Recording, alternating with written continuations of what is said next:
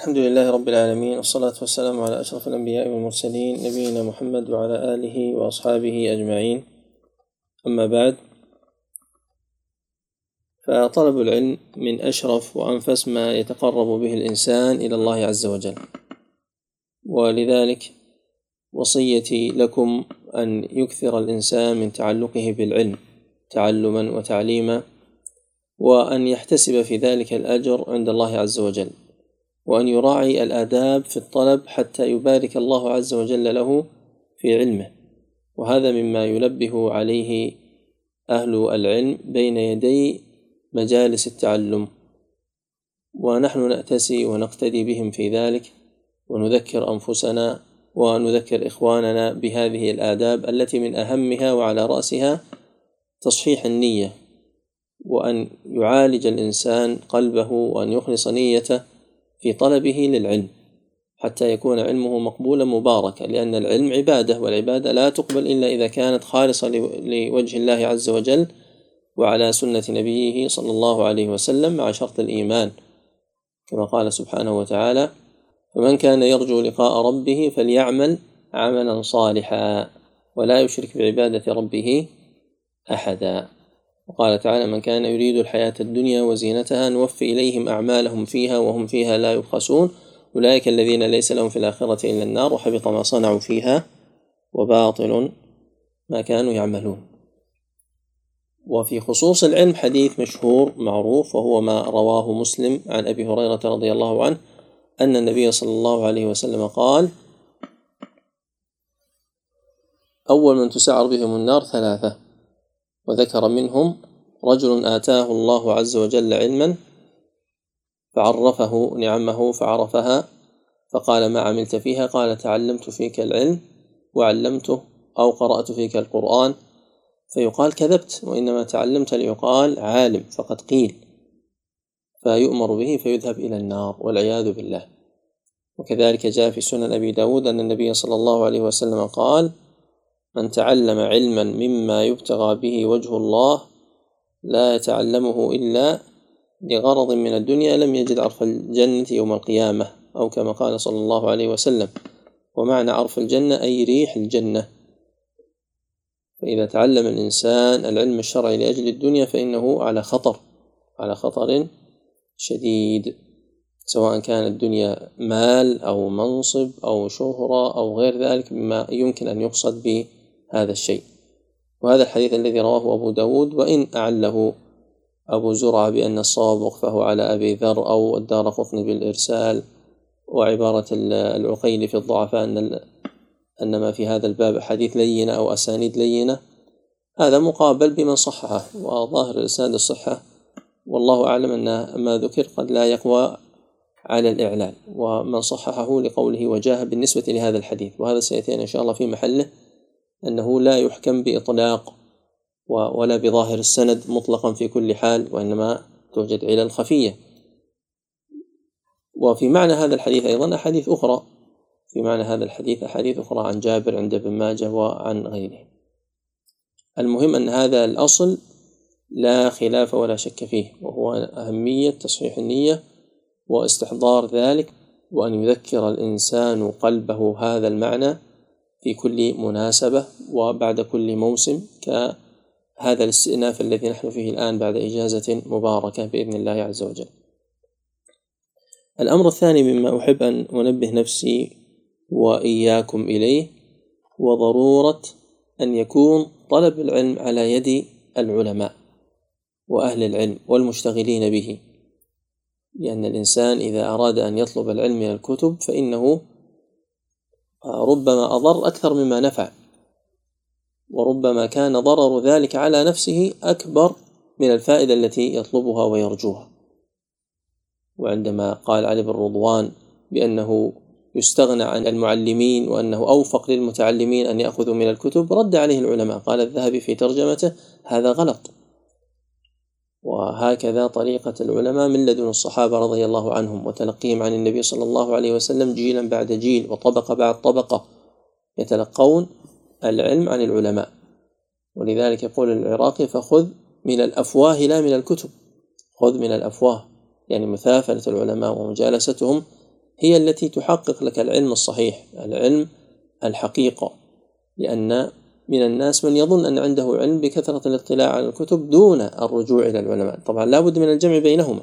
ليس معنى ذلك أن, يقرأ أن يحضر الإنسان المجالس فقط دون أن يقرأ. لا بد من الجمع بينهما. لكن الخطأ هو أن يستغني بالكتب عن العلماء. هذا هو الخطأ. وفي ذلك آه، محاذير كثيرة. منها أولا أن يخطئ في فهم ما يقرأه من عبارات العلماء. ومنها ثانيا أن هذه الكتب منها ما يصلح للقراءة ومنها ما لا يصلح. فمن الذي يرشدك؟ العالم. يعني ربما طلبت علما من العلوم فحصلت الكتاب إما من المكتبة مباشرة أو بالنظر في الإنترنت أو سألت فلان من الناس من المختصين في الكتب غير المختصين في العلم أو مشتغلين بهذا الفن. فقرأت هذا الكتاب واشتغلت به وجلست فيه دهرا من عمرك وأنت لا تعلم ما عند أهل العلم من أن هذا الكتاب قد رد عليه فلان وفلان وفلان وأبطله فلان وفيه من الأخطاء كذا وكذا. فعدم تلقيك من العلماء يجعلك تخطئ في طريقة التعلم. ثم أمر ثالث أن حتى الكتاب الذي يكون هو المعتمد وهو آه، العمدة في بابه وهو الذي يصلح أن يدرس يكون فيه اصطلاحات تكون فيه رموز.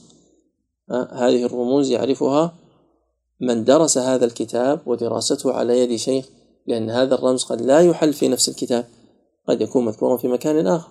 يذكر الإنسان اصطلاحه مثلا ذكر البيهقي أن شرطه في كتبه الصحة وأنه لا يذكر شيئا ضعيف أو معلول إلا ويبينه. الذي يقرأ السنن الكبرى لا يجد هذا الشرط لا يعرفه إلا إذا قرأ الكتب الأخرى للبيهقي التي بين أن هذا هو منهجه في سائر كتبه.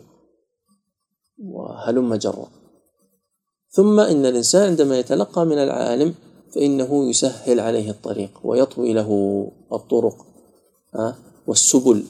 إلى تحصيل العلم. فإنه يلقنه المعلومة ويساعده على الفهم. رب كلمة تستغلق ويقرأها الإنسان في الكتاب مرارا وتكرارا ثم لا يتمكن من الاهتداء للمراد منها. ولكن بمجرد ما يسمعها من الشيخ فإنه يعرف يعرف المراد. ببركة يجعلها الله عز وجل بسبب جلوسه بين يدي العلماء. والأمر الآخر أيضا من الأشياء المتعلقة بالدراسة على المشايخ هو أن يتمكن من القراءة الصحيحة. كم سمعنا من أناس يقرؤون الأسماء قراءة غير صحيحة لأنه قرأها من كتاب ما درس عند الأشياخ. والأسماء لا يوجد ما يدل عليها من سياق أو سباق أو لحاق وإنما هو تلقي أو ضبط. إذا كان الذي ضبط الكتاب من أهل العلم فإنه كأنك قابلته وسمعت منه. ولكن إن لم يكن كذلك كيف تعرف أن هذه الكلمة تقرأ هكذا أو تقرأ هكذا؟ والأوجه المحتملة وهل كلا الوجهين صحيح أو أحدهما صواب والآخر خطأ؟ هذا لا تعرفه إلا إذا تلقيت من أهل العلم. إلى غير ذلك من الفوائد المعروفة المشهورة ولذلك قيل يظن الغمر أن الكتب تهدي أخا جهل لإدراك العلوم ولا يدري الجهول بأن فيها غوامض حيرت عقل الفهيم وتلتبس الأمور عليه حتى يكون أضل من توم الحكيم. المهم أن يحرص الإنسان على هذا. والأمر الثالث المتعلق بهذا أن يتلقى من المصادر الموثوقة لأننا نجد في هذا العصر أن كثيرا من الناس عنده معلومات ويستغرب الإنسان من سعة اطلاعه لكن من أين حصل على هذه المعلومات؟ ها؟ إما من الإنترنت أو من غيره يعني مجرد ما تسأل سؤال طبعا من غير أن تراه لأنك ما تعرف من أين يأتي بالإجابة تجده يأتي بالإجابة سريعا. وعندما تتقصى يعني هو كتب كلمتين وخرجت له النتيجة فذهب وقص ولصق. يعني لم يتحقق بهذا العلم. وعندما سئل لم يكن عنده علم مسبق عن هذا العلم. ها؟ ويظن أن مجرد تحصيلي لهذا المعلومة من هنا وهناك أن هذا من طلب العلم. ينبغي أن ينتبه الإنسان آه، في مسألة التلقي أن يتلقى من المصادر الموثوقة. كما أن من الكتب ما هو آه، صحيح معتمد في بابه وفنه ويعرف ذلك من أهل العلم وفيها ما هو غث وليس بسمين كذلك في المواقع وكذلك الناس وكذلك غير ذلك. فلا بد أن ينتبه الإنسان أن يكون تلقيه من مصدر من مصدر موثوق. لأنه ربما حصل على معلومة باطلة فرسخت في ذهنه وشب عليها وكبر وهو لا يعلم أن هذا مبني على مذهب مبتدع. أو أن التزامه بهذا القول يؤدي به إلى أمر شنيع في في الدين وفي الشريعة أو غير ذلك من المحاذير. بسبب أنه لم آه، يمحص ولم يدقق ولم يحقق من البداية. ومن الآداب أيضا التي ينبغي أن يتحلى بها طالب العلم الأدب الرابع هو الصبر. الصبر في طلب العلم. فكثير من الناس يكون عنده حماس ويريد أن يتلقى العلم ويدرس ويطلب وهكذا ويحضر دورات ويشتري كتب و ثم بعد فترة يسيرة يترك هذا كله بسبب الضجر. يقول أنا ما حصلت شيء طب كم مكث حتى تحصل؟ العلم إنما هو اجتماع النقط كما قال الشاعر. اليوم شيء وغدا مثله درر العلم التي تلتقط يحصل المرء بها حكمة وإنما السيل اجتماع النقط. هذا السيل العرمرم الذي الذي يعني يزحزح السيارات ويغرق الناس إنما كان آه، نقطا نازلة من السماء كان مطرا فأصبح سيلا. وكذلك الإنسان بالتعلم يدرس ويتعلم يحضر ويسأل ويستفيد ويراجع ويقرأ. ثم بعد زمن مع الاستمرار والمواظبة على ذلك وأن لا يخلو يوم من طلبه للعلم سيحصل في المستقبل إن شاء الله سيحصل ثمرة ذلك. فإن العلم مثل نمو الصغير. أنت لا ترى الصغير صغيرا ثم فجأة بعد يوم أصبح كبيرا. تقول بالأمس كان صغيرا واليوم أصبح كبيرا. وإنما ينمو شيئا فشيئا ويلاحظ ذلك من رآه بعد مدة طويلة. رآه صغيرا ثم رآه كبيرا. كذلك العلم شيئا فشيئا ينمو معك ويكبر في صدرك ويبارك الله عز وجل فيه كالبذرة التي تبذرها ثم تنبت بإذن الله عز وجل نباتا حسنا. فلا بد من الصبر. ولذلك يقول الزهري من رام العلم جملة ذهب عنه جملة. وهناك أيضا أثر جميل أتمنى أن تراجعوه بلفظه في كتاب حلية آه، الأولياء مسندا. قال له إن هذا العلم من أخذته بالمكاثرة غلبك ولم تظفر منه بشيء. ولكن خذه مع الأيام والليالي أخذا رفيقا تظفر به. شوف العبارة هذه كيف قيمة واجعلها دائما بين عينيك. إذا أخذت العلم بالمكاثرة بالمغالبة لم تظفر منه بشيء لأن العلم سيغلبك أكثر منك. وأطول منك.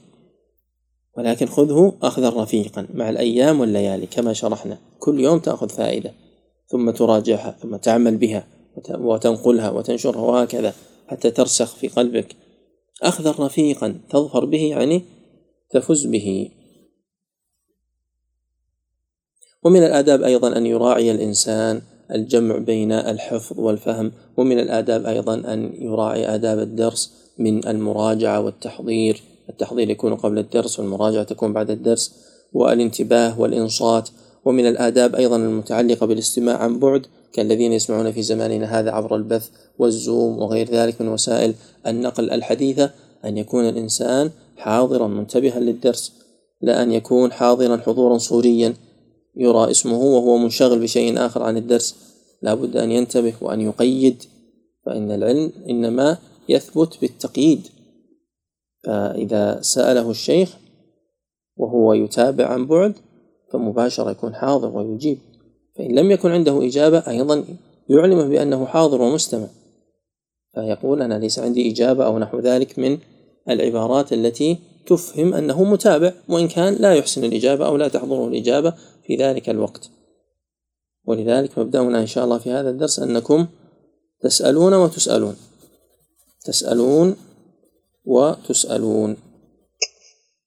وأنا أحيل فيما بقي من الآداب لأن الكتب كثيرة في هذا الباب كما تعلمون ولا يخفى عليكم لكن هناك كتاب نفيس بديع جليل في بابه وهو يتكلم عن هذه الآداب وعن آداب أخرى آداب خاصة بعنوان الكتاب وآداب عامة لكل طلاب العلم وهو كتاب التبيان في آداب حملة القرآن للنووي. أنصحكم بقراءة هذا الكتاب. كتاب مبارك وقصير. ثم الكتاب الذي نحن بصدد التعليق عليه في هذه الدورة هو كتاب نخبة الفكر في مصطلح أهل الأثر للحافظ ابن حجر. وموضوع هذا الكتاب هو في علم المصطلح. وأي علم يريد الإنسان أن يخوضه وأن يشارك فيه لا بد أن يستحضر المبادئ المبادئ المتعلقة بالعلوم عموما آه، ويربطها بهذا العلم الخاص قبل أن يخوض فيه. لماذا؟ حتى لا يكون خالي الذهن حتى لا يكون خالي الذهن من هذا العلم ولا يعرف ما المراد به وإنما يريد الآن أن يبدأ فيه فحينئذ يكون عنده تصور إجمالي ثم بعد الخوض فيه يحصل له التصور التفصيلي. والمبادئ قد نظمها ابن صبان. قال إن مبادئ كل فن عشرة. إن مبادئ كل فن عشرة. الحد والموضوع ثم الثمرة. وفضله ونسبة والواضع. والاسم الاستمداد حكم الشارع. مسائل والبعض بالبعض اكتفى. ومن درى الجميع حاز الشرف. يعني بعض العلماء اكتفى ببعض هذه المبادئ. لكن إذا عرفتها كلها فهو أفضل وأحسن. فمن هذه المبادئ قال الحد. الحد يعني التعريف. إذا ما تعريف علم المصطلح تعريفه أنه قواعد يعرف بها حال الراوي والمروي باختصار. قواعد يعرف بها حال الراوي والمروي. بعضهم يزيد من حيث القبول والرد. أنت إذا قلت من حيث القبول والرد ستحصر هذا العلم فيما هو أهم مباحثه وهو تقسيم الحديث أو الأثر أو الخبر إلى صحيح وضعيف وحسن لأن هذا هو الذي يترتب عليه القبول والرد. ثم الضعيف له أنواع كثيرة ومسميات كثيرة أعطيت أعطيت ماذا ألقابا خاصة. وسيخرج بذلك أشياء كثيرة مرتبطة بهذا العلم وهي داخلة في هذا العلم وليست متعلقة بهذه الحيثية وهي القبول أو الرد. لكن عندما تقول من حيث الراوي والمروي تشمل تلك الحيثية وهي القبول والرد وسائر الحيثيات الأخرى. الحديث مثلا يمكن تقسيمه من حيث القبول والرد إلى الأقسام الثلاثة السابقة. يمكن تقسيمه من حيث وصوله إلينا إلى المتواتر والآحاد وهو أول مباحث هذه أول مباحث أول مباحث هذا المتن الذي بين أيدينا. يمكن تقسيمه من حيث منتهاه يعني من حيث القائل إلى مرفوع وهو ما أضيف إلى النبي صلى الله عليه وسلم وموقوف وهو ما أضيف إلى الصحابي ومقطوع وهو ما أضيف إلى التابعي ثم يدخل فيه ما, ما كان دون ذلك من باب أولى وإلا في العناية بهذه الثلاثة وهذا كله منه ما هو صحيح وضعيف وحسن. كذلك في القسم السابق الآحاد منه ما هو صحيح وضعيف وحسن. كما قال المصنف قال منها المقبول والمردود. نعم. ماذا كنا نقول؟ نعم الحد إذن حد علم المصطلح باختصار قواعد يعرف بها حال الراوي والمروي.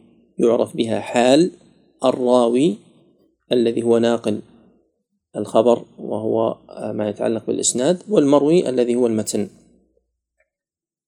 الموضوع موضوع هذا موضوع هذا العلم هو كل ما نقل وأثر عن السلف.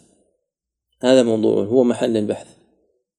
والثالث طبعا هناك من يقول موضوعه هو جسد النبي صلى الله عليه وسلم ولا زال الكافيجي يتعجب من هذا ويقول إن جسد النبي صلى الله عليه وسلم موضوع علم الطب وليس موضوع علم الحديث. والكافيجي من شيوخ السيوطي. وممن ذكر هذا أيضا الكرماني ونقله عنه من نقله الكرماني في مقدمة شرحه صحيح البخاري. فموضوع هذا العلم إذا أردنا خصوص الحديث النبوي فهو ما يتعلق بكلامه صلى الله عليه وسلم وأفعاله. وإذا نظرنا إلى ما يتعلق بالمصنفات وما فيها من الآثار المنقولة عن السلف عموما من الصحابة والتابعين فإنه سيكون أعم من ذلك. فهي أقوال وأفعال السلف. أقوال وأفعال السلف. الحد والموضوع ثم الثمرة. الثمرة والفائدة والغاية من دراسة هذا العلم معرفة المقبول والمردود ومعرفة ما يتعلق بذلك كما سبق قريبا في التعريف. أن تعرف ما صح فتعمل به وتعرف ما ضعف فتحذر منه وتحذر خاصة في مثل هذا الزمن الذي لا زال الوضع يضرب بأطنابه. فهناك أشياء لا توجد في الكتب وإنما توجد في الجوالات وفي المواقع وفي البريد الإلكتروني ونحو ذلك. لماذا؟ لأن الذي اخترع هذا الحديث ما زال حيا يمشي على الأرض. فتعرف فائدة هذا العلم أن تمحص السنة وأن تدافع عنها وأن لا ينسب إلى النبي صلى الله عليه وسلم ما لم يقله. فلا غنى للناس عن هذا العلم وعن أهل الحديث في أي عصر من العصور أو مصر من الأمصار. فلا بد أن يعتني الإنسان بدراسة هذا العلم وأن يفهمه وأن يحفظ فيه ويدرس. الأمر الثالث الحد والموضوع ثم الثمرة طبعا هناك فوائد أخرى لكن هذه أهم الفوائد من دراسة هذا العلم. أما فضله فهو مستمد من فضل العلم الشرعي. فما ورد في فضل العلم الشرعي يدخل فيه هذا العلم. لماذا؟ لأنه من علوم الوسائل ومن علوم الآلة وليس من علوم الغاية. فإن المقصود به هو أن يطبق الإنسان قواعده على الأسانيد وعلى علم الرجال والتواريخ وغير ذلك مما يمكن أن يدخل هذا العلم فيه. وارتباطه وثيق وقوي بهذه العلوم وليس كارتباط بعض علوم الآلة قد يحضر وقد يغيب. وعلوم الغاية العقيدة والتفسير والحديث والفقه هذه مقصودة لذاتها. يفنى فيها العمر. وعلوم الآلة هي العلوم المساندة لها لا غنى لطالب العلم عنها وبها يستطيع أن يفهم علوم الغاية لكنها ليست مقصودة لذاتها بحيث يفني فيها العمر. كما جاء في الأثر الذي رواه الخطيب البغدادي في اقتضاء العلم العمل. إذا أفنى الإنسان عمره في جمع الآلة فمتى يحارب؟ تجمع عدة السلاح وأنت عمرك كله في جمع السلاح. طيب ماذا تستفيد من جمعك للسلاح؟ تحتاج أن تجمع السلاح وتعد لتجاهد به وتقاتل به. فكذلك يطلب الإنسان العلم ليعمل به ويطلب علوم الآلة ليطبقها في علوم الغاية. لا ليموت وهو يدرس علوم الآلة. إن اخترمته المنية وهو لم يقصر فأجره على الله. كما قال سبحانه وتعالى ومن يخرج من بيته مهاجرا إلى الله ورسوله فقد وقع أجره على الله. لكن إنسان شابت لحيته وهو في علوم الآلة هذا هو الذي يقع عليه التقصير واللوم. فضله ونسبة هذا العلم منسوب إلى علوم الحديث. وهناك من يرى أن النسبة هي هل هذا العلم مع العلوم الأخرى بينها تداخل أو بينها انفصال أو عموم وخصوص وجهي أو عموم وخصوص مطلق. لكن من حيث الانتساب هو منسوب إلى علوم الشريعة لأنه من علوم الحديث. والواضع هنا نحتاج أن نتكلم عن شيء سيذكره المؤلف في البداية. لماذا؟ لأن هذا العلم هو معروف من حيث أسسه من عهد الصحابة. ومن أراد أن ينظر في هذا ينظر مثلا في مقدمة كتاب المجروحين عندما ذكر الآثار عن عمر ومن دونه في ما يتعلق بمعرفة ما صح وفي نفي الكذب وفي التحري والتحرز. وهو من فروع وثمار هذا العلم. أما القواعد التي هي الاصطلاحية والاصطلاح هو التواضع والتوافق على شيء معين وعلى دلالته على معنى مقصود عند المتواضعين ومعروف عندهم فهذا حصل بعد ذلك كحال سائر العلوم. فيها نشأة ثم تطور ثم استقرار. بحيث استقرت المصطلحات على أن يراد بكلمة كذا كذا وأن يراد بكذا كذا. فهذا قد تكلم عنه المؤلف في شرحه لهذا النظم وذكر أن أول من ألف في ذلك هو أبو الحسن الرامة هرمزي وكانت وفاته في سنة وفاة الطبراني سنة 360 وكتابه مطبوع ومسند وهو كتاب المحدث الفاصل. نعم. فضله نسبة والواضع الاسم الاستمداد حكم الشارع. اسمه له أسماء كثيرة منها علم المصطلح ومنها علوم الحديث ومنها أصول الحديث وقواعد الحديث لكن أشهر أسماء هذا العلم علم المصطلح. ولذلك هذا المتن نخبة الفكر في مصطلح أهل الأثر. في مصطلح أهل الأثر يعني الاصطلاح الخاص بعلماء الحديث. نعم. الاستمداد. طبعا لا شك أن استمداده من الكتاب والسنة أصالة لذلك يستدلون عليه بهما. ويستمد أيضا من صنيع أهل العلم المتقدمين. يعني أهل الشأن لهم تواضع لهم اصطلاح تعارفوا عليه. وحينئذ من بعدهم عمد عليهم لا يسألهم ما هو الدليل. لماذا؟ لأنه إنما عرف ذلك عن طريقهم. وهذا متعلق بمباحث معينة ليس بكل مباحث هذا العلم وإنما مباحث معينة متعلقة بالتحمل والأداء وبعض السنن والآداب المتعلقة بمجالس الحديث ونحو ذلك.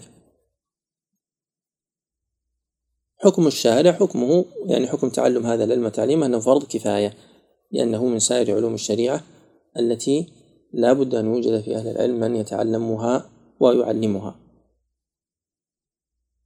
ودليل ذلك هو عموم الأدلة التي دلت على فرضية الكفاية في طلب العلم. مسائل.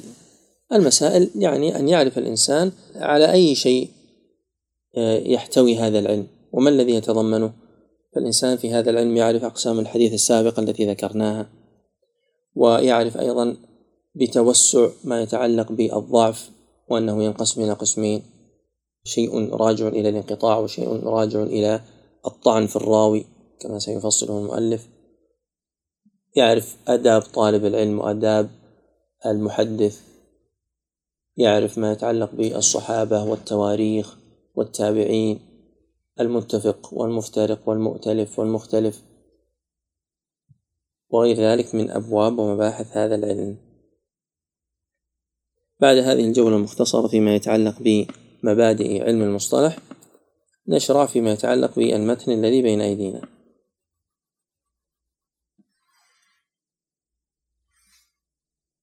فنخبة الفكر نخبة هذا عنوان الكتاب. المبحث الآن ما يتعلق بعنوان الكتاب. نخبة بمعنى جبوة وصفوة وخيرة. انتخب الشيء بمعنى اختاره واصطفاه. وهي اسم على وهي مسمى على اسم يعني هي موافقة لاسمها فهي فعلا نخبة. والفكر جمع فكرة وهي إعمال الخاطر والتأمل. ولذلك من الامتيازات لهذا الكتاب هو أن مؤلفها قد جاء فيها بترتيب بديع لم يسبق إليه وهذا من إعمال الخاطر ومن التأمل. ومما يدلك على أن الإنسان يستطيع أن يبتكر ولو تأخر زمانه. كم بين ابن حجر وبين العلماء الذين ألفوا في هذه الكتب وصنفوا وأبدعوا وأكثروا ومع ذلك لم يحتقر نفسه وإنما أتى بهذا الكتاب البديع الماتع النافع الذي أصبح عمدة لكثير من العلماء من بعده واعتنوا به اعتناء فائقا. وهذه الفقرة الثانية وهي الاعتناء من قبل العلماء بهذا المتن. فمن ذلك أولا بالشرح. فمن أول وأقدم من شرح هذا الكتاب المؤلف نفسه في كتابه نزهة النظر وهو عندما شرح هذا الكتاب قال إن صاحب الكتاب أدرى بما فيه. وصاحب البيت أدرى بما فيه فلذلك يعتبر شرحه شرحا متوسطا. هناك كتب ينبغي أن يبدأ بالإنسان قبل هذا الكتاب من المختصرات الكثيرة. هو طبعا جعله للمبتدئين وبالنسبة للمطولات للمبتدئين. لكن بالنسبة للكتب التي ألفت في هذا العلم مما هو أكثر اختصارا يعتبر هذا الكتاب للمتوسطين. ثم بحسب الشرح قد يشرح شرح ابتدائي وقد يشرح شرح متوسع وقد يشرح شرح مختصر. قد يشرح شرحا مختصرا. ولذلك بعض الإخوة الذين معنا في المجموعة آه، علقت له على هذا الكتاب في مجالس يسيرة معدودة. وبعض من هو معنا الآن علق له على متن آخر مثل البيقونية في مجلس واحد. يفهم المعنى مع المثال وينتهي بذلك تصور إجمالي يكون بمثابة المراجعة لمن كان سبق له الخوض في هذا العلم. وإذا شرحنا هذا المتن شرحا متوسطا فالأشياء المتقدمة أو المباحث التي فوق ذلك تستدرك بالأسئلة فيسأل عنها من يريد عندما يتاح الوقت للسؤال ويستكمل النقص الذي في الشرح. وممن شرحه أيضا كمال الدين الشمني وممن شرحه محمد بن موسى المراكشي وأبو الفضل أحمد بن صدقة ابن الصيرفي والمفسر إسماعيل البروسوي. ومحمد بن عبد الله الخرشي المالكي. وهناك من علق وحش وشرح شرح المصنف وهو نزهة النظر مثل ملا علي القاري الحنفي والمناوي واللقاني والحيدري وشيخنا الشيخ ابن عثيمين وغيرهم. وهناك حواشي على هذا الكتاب وهذا المتن أيضا. من أنواع الخدمة له الحواشي عليه شرحه وشرح شرحه والحواشي عليه. هذا الثالث. فمن الحواشي القول المبتكر لابن قطلبوغة وحاشية للرضي بن الحنبلي وحاشية للأجهوري وللشهرزوري والكردي والعدوي. ثم من عجيب الخدمات التي آه، حازها هذا المتن هو الاختصار وهذا الرابع. مع كونه متنا مختصرا وهو زبدة في بابه وعمدة مع ذلك اختصر.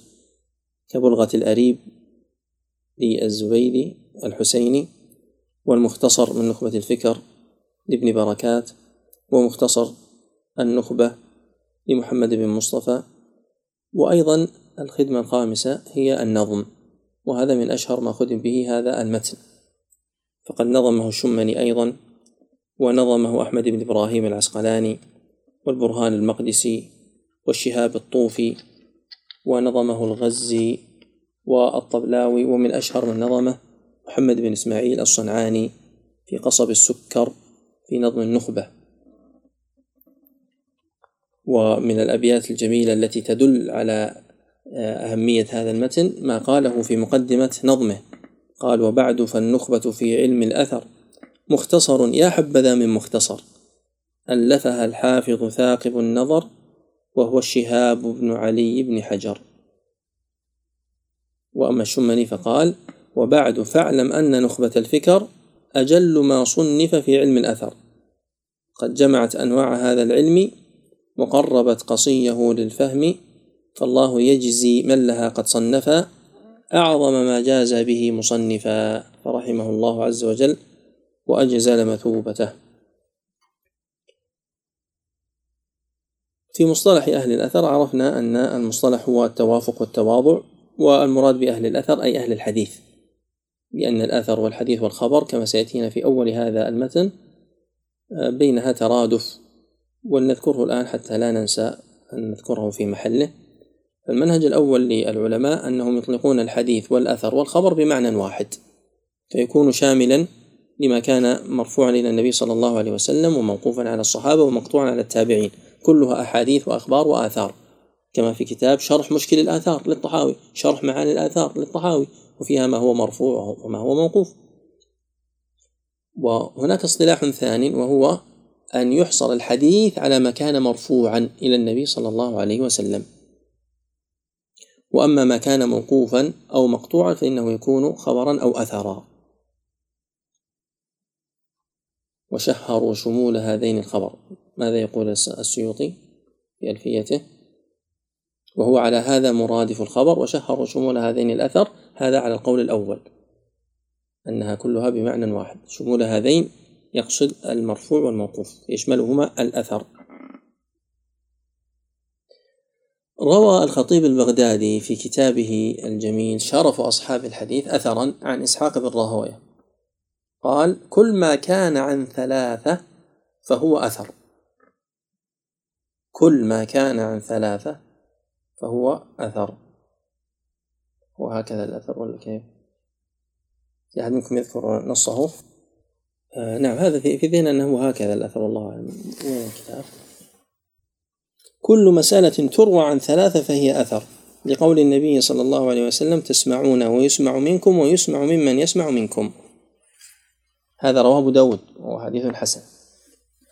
طيب أنا أسألكم الآن على ضوء هذا القول الذي قاله إسحاق هل الأثر مرادف للحديث فيكون من الاصطلاح الأول أو الأثر غير مرادف فيكون من الاصطلاح الثاني؟ ماذا تفهم من هذه العبارة؟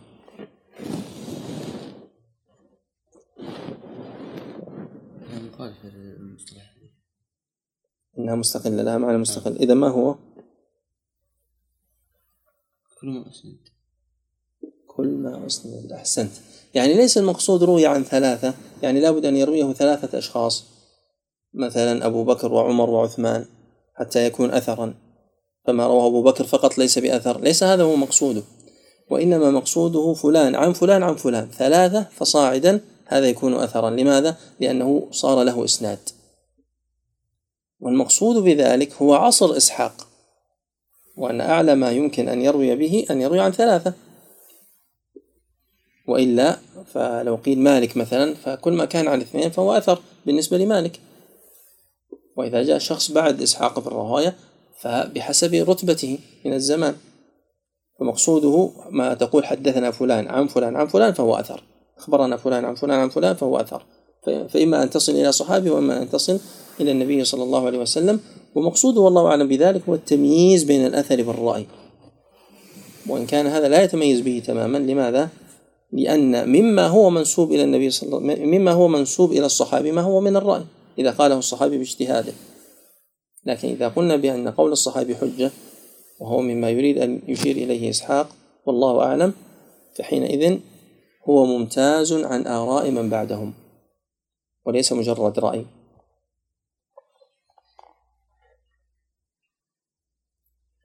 مؤلف هذا الكتاب عبد الرحمن عبد الرحمن. تفضل أبو راكان.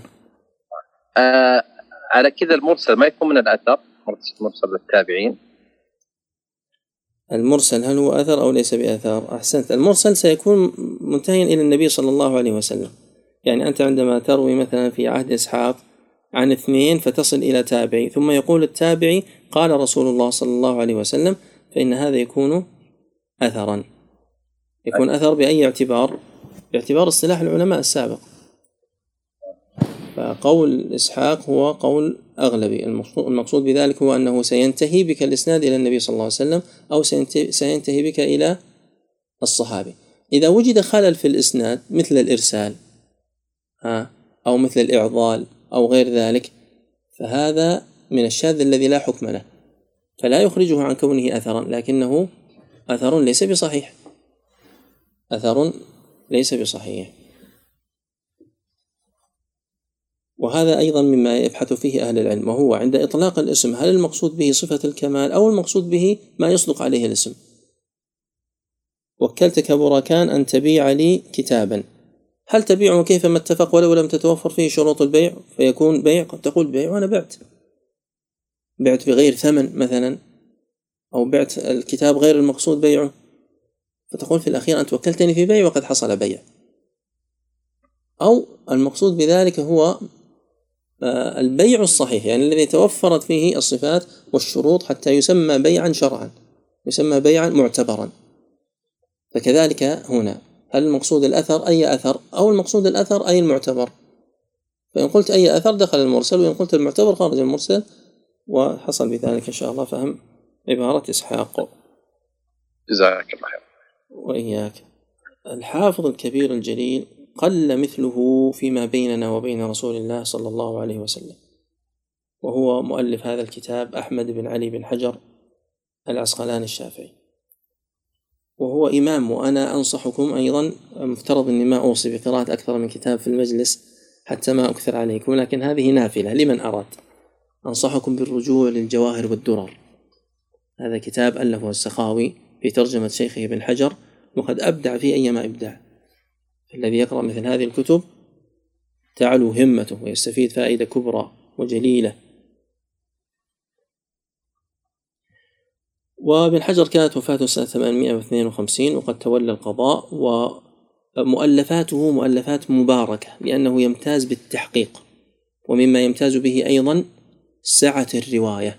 لذلك عامة روايات وأسانيد المعاصرين تمر بابن حجر. أغلب الأسانيد تمر بابن حجر. لأن له سماعات كثيرة. ومن قرأ المعجم المفهرس والمؤسس وغير ذلك يعرف سعة روايات هذا العالم المحدث الجليل. وله كتب ما بين مختصر نافع آه، مشتهر كالنخبة وبلوغ المرام وما بين مطولات تجد فيها ما لا تجد في غير من الكتب من الجمع مثل كتاب الإصابة في تمييز الصحابة جمع فيه ما زاد على من ألف في هذا الباب ممن قبله ومن التحقيق والتدقيق مثل ما ذكرنا ككتاب فتح الباري بشرح صحيح البخاري أشهر شروح الصحيح الذي هو أصح الكتب بعد القرآن.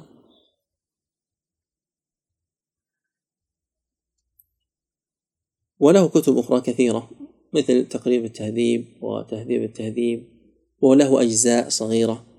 مثل تبيين العجب فيما ورد في شهر رجب وله رسالة أيضا تدل على علو الهمة مثل آه عجائب الدهر في فتاوى شهر. يعني جمع لك في هذا الكتاب الفتاوى التي أفتاها في شهر واحد فإذا كان هذا ما أفتاه في شهر فكيف بالعمر؟ وهذا فيه تنبيه أيضا للمشتغلين بالإفتاء من أهل العلم أنه لا يشترط أن يكون لك مجموع فتاوى للأبواب الفقه من أولها إلى آخرها. أو كل ما أفتيت به في عمرك. يكفي أن تبرز لنا الفتاوى البارزة أو مثل هذه الفكرة التي أتى بها ابن حجر فتاوى شهر. يجمع الفتاوى التي سئلها في شهر من دهره العلمي بحيث يجمع ما فيه من النفائس والفوائد. لماذا؟ لأن الفتاوى فيها من المعلومات ما ليس في بطون الكتب المطولة لأن أحكام على نوازل. أحكام على نوازل. ومن هنا تعلم الغلط الشنيع الذي وقع فيه بعض أهل زماننا عندما دعوا وطبقوا ما دعوا إليه. دعوا إلى إحراق كتب ابن حجر. بسبب بعض المخالفات العقدية. ويا لنظافة عقيدة ابن حجر وإنما هي أخطاء مخالفات ينبه عليها في محلها. فإذا نسبت عقيدته إلى غيره وجدت أنهم عنده إنصاف كبير وهو في آخر الفتح سلفيته واضحة أوضح منها في أوله. وهذا من الخطأ الذي يقع فيه بعض المتعصبين الذين ليس عندهم تلقي صحيح لآداب العلم مع العلم وإنما عنده فقط معلومات يتعصب لها دون أن يكون عنده طريقة صحيحة في التعامل مع كتب أهل العلم فيعرف ما هو نافع فيستفيد منه وما هو ضار فينبه عليه في محله ويحذر منه ولا يمنعه ذلك من الاستفادة من العلم. فإن أبا هريرة نقل عن النبي صلى الله عليه وسلم فائدة من الشيطان وأخبره النبي صلى الله عليه وسلم أنه صدق في هذه الفائدة. صحيح أنه كافر وكاذب وغير ذلك وفاجر لكن صدقك فيما أخبرك به. إذا المسلم من باب أولى العالم أولى وأولى. فيكون عند الإنسان إنصاف في التعامل مع أهل العلم.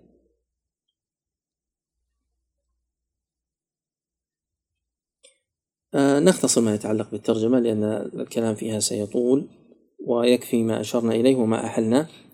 ثم ننتقل الآن إلى الفقرة المقصودة وهي الخوض في هذا المتن. كنا قد طلبنا منكم الحفظ وسنقسم الكتاب إلى سبعة أقسام بحيث نستطيع أن نشرح في كل يوم قسم محدد ويستطيع أن يحفظ من يريد أن يحفظ المقدار المقصود ويعرف أين سنقف. فسيكون إن شاء الله اللقاء الأول وهو هذا المجلس. إلى قوله ثم الغرابة. إلى قوله ثم الغرابة إما أن تكون في أصل السند أو لا. نقف على ثم الغرابة. ثم يكون المجلس الثاني إلى قوله ثم الطعن إما أن يكون لكذب الراوي أو تهمته. سنقف عند ثم الطعن إن شاء الله. المجلس الثالث سيكون إلى قوله ثم الإسناد. المجلس الثالث إلى قوله ثم الإسناد إما أن ينتهي إلى النبي صلى الله عليه وسلم تصريحا أو حكما هذا الكم قلنا؟ الثالث الرابع سيكون إلى قوله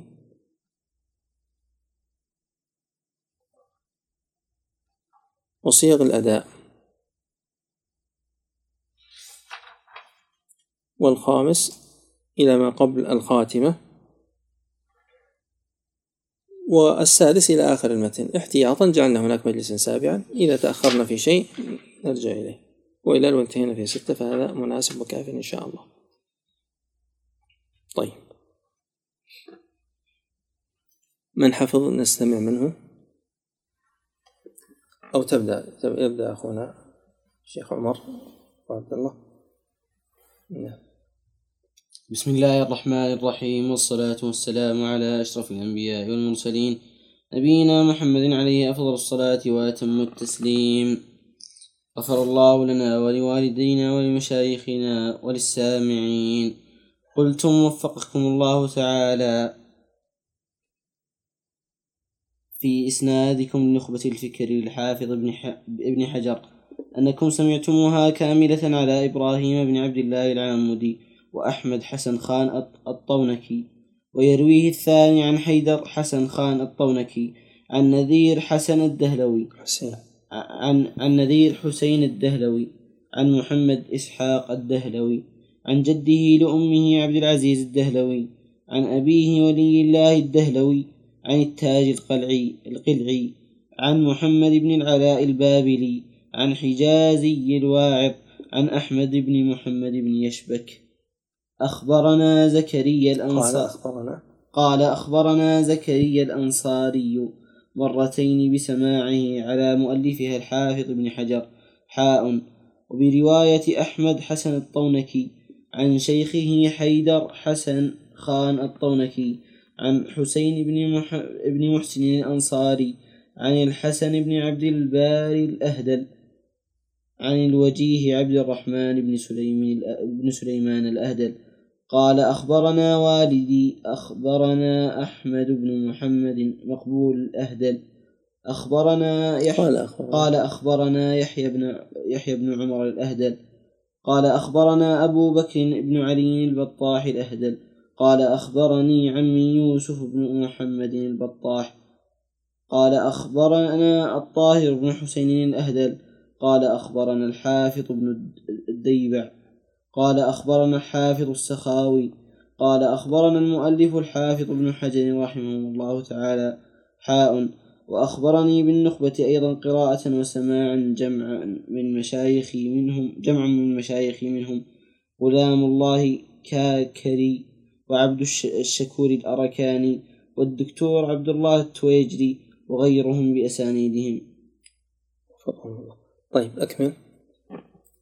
قال الحافظ ابن حجر رحمه الله تعالى الحمد لله الذي لم يزل عالما قديرا وصلى الله وصلى الله على سيدنا محمد الذي أرسله إلى الناس بشيرا ونذيرا وعلى آل محمد وصحبه وسلم تسليما كثيرا. أما بعد فإن التصانيف في اصطلاح أهل الحديث قد كثرت وبسطت واختصرت فسألني بعض الإخوان أن ألخص لهم المهم من ذلك فأجبته إلى سؤاله رجاء الإندراج في تلك المسائل فأقول سألك.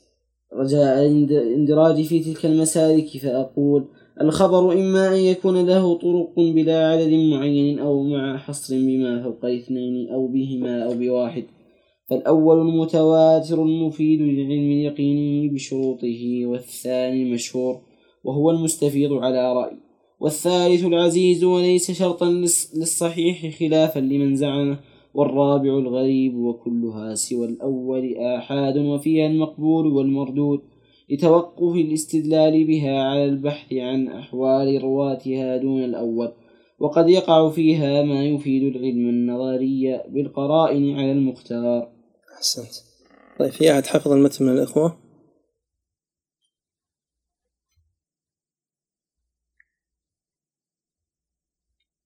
إذا نبدأ.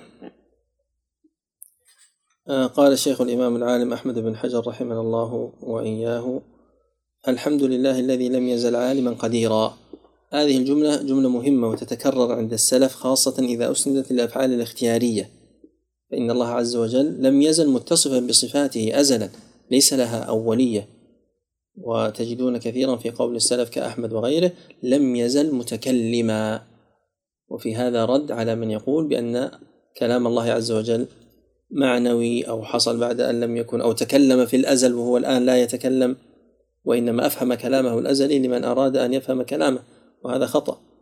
إن الله عز وجل لم يزل عالما قديرا سميعا بصيرا متكلما سبحانه وتعالى. معنى كلمة لم يزل أي دام على ذلك واستمر تفيد الدوام.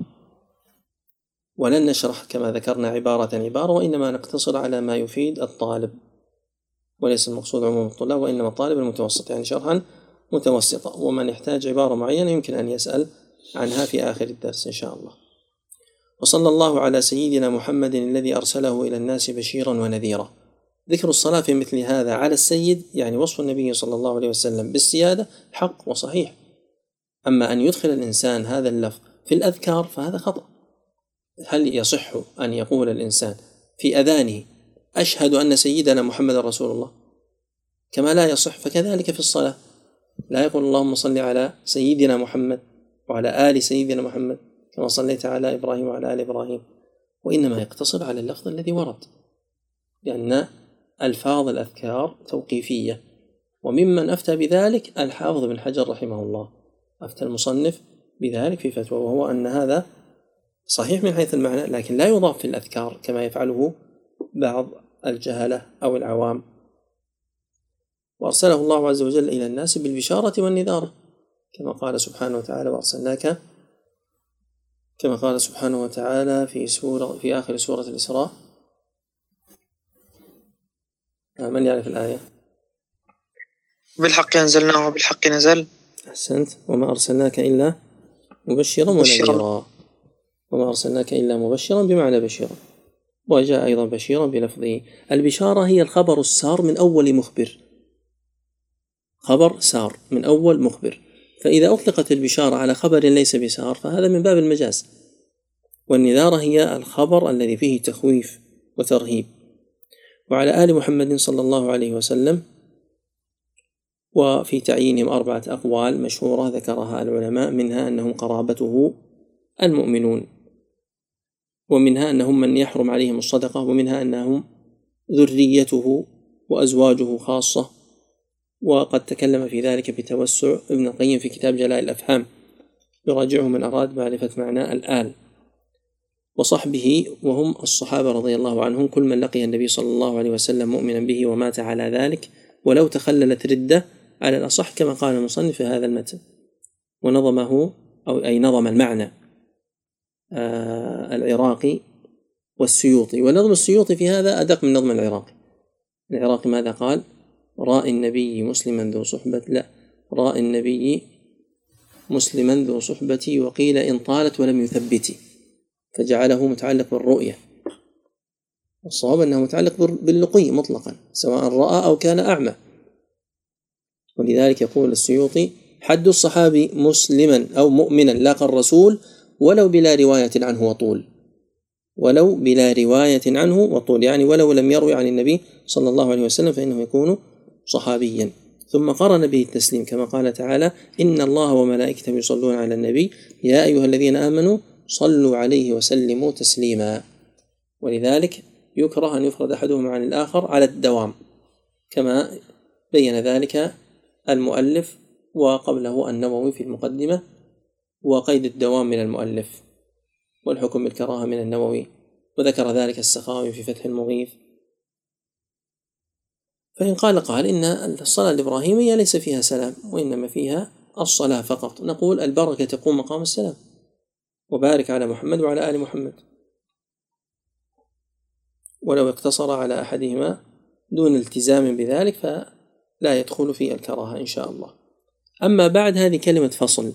يعني مهما يكون من شيء بعد يعني بعد ما تقدم من المقدمة فإن التصانيف هذه الفاء رابطة لجواب أما. فهي كلمة يؤتى بها للفصل. ثم لا يحتاج أن يأتي قبلها بثم ثم أما بعد. فإن السنة وردت بأما بعد فقط. فالأكمل في المتابعة أن يقتصر على ما ورد. هل يجوز؟ نعم يجوز. لا ليس أمرا محرما وليس خطأ نحويا. لكن الأفضل هو أن يقتصر على ما ورد. كما لو قال وبعد أيضا يجوز لكنه فاته ما يتعلق بالاقتداء والائتساء فإن التصانيف ما الفرق بين المصنف والمؤلف؟ المؤلف هو الجمع المجرد والمصنف هو ما كان فيه تحرير وإضافة ومنهم من يقول هما مترادفان. فالتصانيف هي المؤلفات لأن أصل التصنيف من التمييز. كما قال النبي صلى الله عليه وسلم لجابر بن عبد الله صنف تمرك على حدة. هذا في صحيح البخاري. فصنف تمرك يعني قسمه وميزه. عرفنا معنى الاصطلاح. واصطلاح أهل الحديث عن المحدثين قد كثرت وبسطت واختصرت. يعني المؤلفات في هذا العلم في علم المصطلح كثيرة. بسطت واختصرت. منها ما هو مبسوط يعني متوسع ومنها ما هو مختصر. وهذه المؤلفات على ثلاثة أقسام. القسم الأول هو ما كان الكلام فيه عن علم الحديث أي عن علم المصطلح ضمنا أي بالتبع. ففيه مباحث المصطلح تبعا لغيره وليس هو المقصود بالتأليف أو ليس الكتاب خاصا في المصطلح. فمن ذلك مثلا كتاب الرسالة للشافعي وصحيح البخاري فيه بعض المسائل المتعلقة بالمصطلح. ومقدمة صحيح مسلم. ومثلا مقدمة صحيح ابن حبان ومقدمة المجروحين لابن حبان ومقدمة الثقات لابن حبان. فهذه المقدمات الثلاثة كلها فيها مباحث متعلقة بالمصطلح. كذلك مقدمة كتاب الكامل لابن عدي ومقدمة جامع الأصول لابن الأثير ومقدمة معالم السنن للخطابي إلى غير ذلك من الكتب التي فيها كلام عن علم المصطلح ضمنا. القسم الثاني هو ما كان خاصا في بعض مباحث علم المصطلح يعني هو خاص ببعض علوم الحديث. مثل كثير من مؤلفات علي بن المديني التي لم تبلغنا وكثير من مؤلفات ابن حبان. فإن الخطيب البغدادي في آخر كتابه الجامع ذكر ستة وأربعين عنوانا من كتب ابن حبان التي لم تبلغه. وإنما وجدت في تذكرة. يعني قائمة بأسماء مؤلفاته كثير منها متعلق بعلوم الحديث. مؤلفات خاصة في علوم الحديث. ومن ذلك كثير من مؤلفات الخطيب البغدادي. المتفق والمفترق مطبوع في ثلاث مجلدات. الفصل للوصل المدرج في النقل مطبوع في مجلدين طبعتين كل واحد منها في مجلدين. مثل كتاب مختلف الحديث للشافعي ومثله للنضر بن شميل ولأبي عبيد القاسم بن سلام ولابن قتيبة وغيرهم. وأيضا تأويل مختلف الحديث الذي هو لابن قتيبة. هذا متعلق بعلم واحد من علوم الحديث. ولذلك لا يكاد يخلو علم من علوم الحديث إلا وفيه كتاب مصنف. ومن أكثر من أفردها بالتصنيف الخطيب البغدادي. حتى قال ابن نقطة آه، إن من أنصف علم أن من جاء بعد الخطيب من أهل الحديث عيال عليه. يعني لا غنى لهم عن كتبه. فإن قال قال أنا أصلا ما أعرف الخطيب والحمد لله عندي معلومات كثيرة في علم المصطلح. نقول هذه المعلومات من أين حصلت عليها؟ من كتاب أو من شيخ؟ ها إن كان من كتاب فهو قد نقل عن الخطيب وإن كان من شيخ فهو قد قرأ إما له أو لكتاب قد أخذ عنه. فالمرد إلى كتب هذا العالم الذي تفنن وتوسع في هذه العلوم علوم الحديث. وله كتابان أحدهما في قوانين الرواية واسمه الكفاية والآخر في آداب الراوي والطالب وهو كتاب الجامع. هذان الكتابان المسندان يجمعان لك علوم الحديث وهي من الكتب المتقدمة يعني من قرأ مثل هذا الكتاب المتوسط الذي معنا وفهمه يحسن به أن يقرأ هذين الكتابين. أو أن يقرأ دونها مثلا بعض الكتب المختصرة ثم يقرأها. المهم أن الكتب هي النهاية يعني هي الكتب التي يعانيها المتقدمون في هذا العلم. هذا القسم الثاني. القسم الثالث هي الكتب التي ألفت في علوم الحديث على جهة العموم. يعني هي خاصة بعلوم الحديث وليست خاصة ببعض علوم الحديث. خاصة بعلوم الحديث فلا يذكر معه غيره وإنما هو خاص في هذه العلوم سواء كانت أغلبها أو بعضها. فلا فلا يخرج مثلا كتاب من الكتب لأنه لم يتكلم عن التدليس مثلا أو لم يتكلم عن آداب المحدث أو لم يذكر مبحث الصحابة فبالتالي لا يكون منها. لا إذا ذكر جملة من علوم الحديث ولم يذكر شيئا آخر أجنبيا عنها فهو داخل في هذا القسم.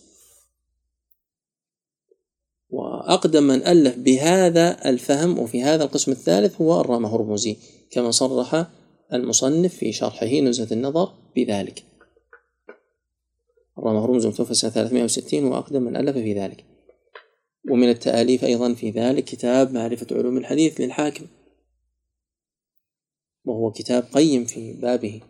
ولم يكن يفارق جيب أبي طاهر السلفي يطالعه وهو يمشي في الشارع. وأيضا من المؤلفات في ذلك كتاب الإلماع للقاضي عياض. إلى أن جاء آه ابن الصلاح أبو عمرو الشهرزوري المتوفى سنة 643 وألف مقدمته مقدمة ابن الصلاح التي هي علوم الحديث. وبعض الناس يستدرك هذا الاسم لكن الواقع أن هذا الاسم أشهر من الاستدراك. فلا يكاد يعرف إلا من مقدمة ابن الصلاح. والمقدمة في علوم الحديث. هذه المقدمة التي قال عنها المصنف.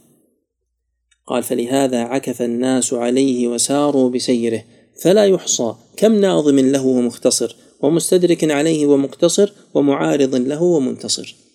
هذه العبارة قيلت في مقدمة ابن الصلاح. لا يحصى. كم هذه؟ كم الخبرية؟ يعني عدد كثير من الناس اشتغلوا بهذا المختصر الذي هو مقدمة علوم ابن الصلاح. من ناظم له مثل نظم العراقي هو نظم لمختصر ابن الصلاح ومختصر مثل ابن كثير اختصار علوم الحديث أي لابن الصلاح.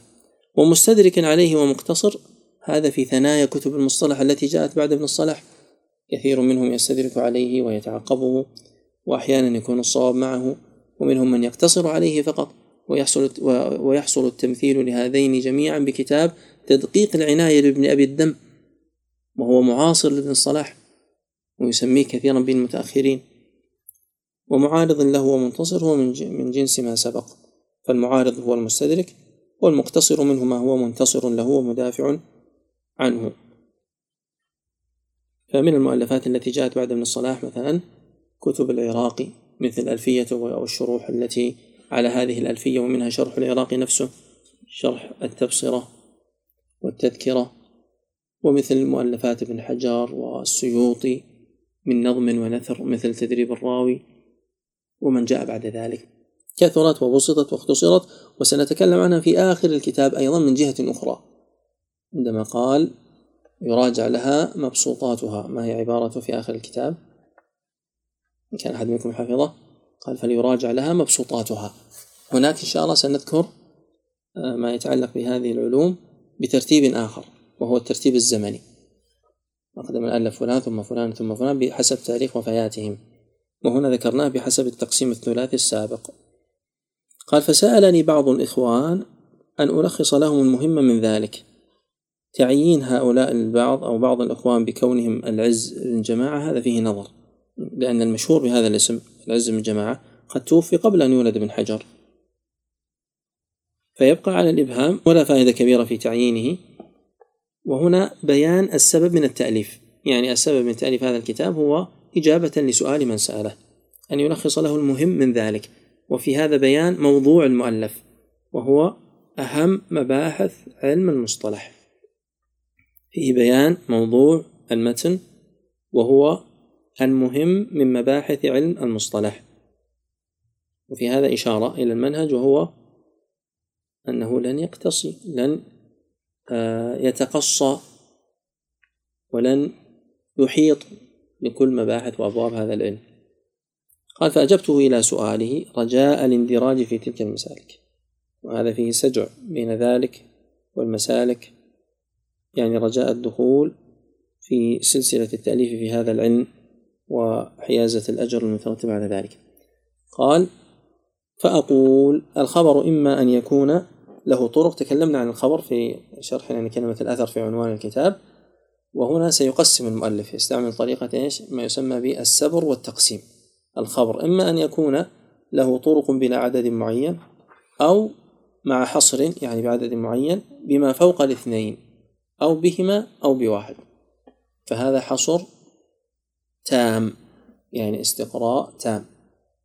سبر وتقسيم تام. لا يوجد قسم خارج عن هذه الأقسام. فالأول المتواتر الأول وهو الخبر الذي له طرق كثيرة بلا عدد معين هو المتواتر. فكيف نعرف المتواتر إذن؟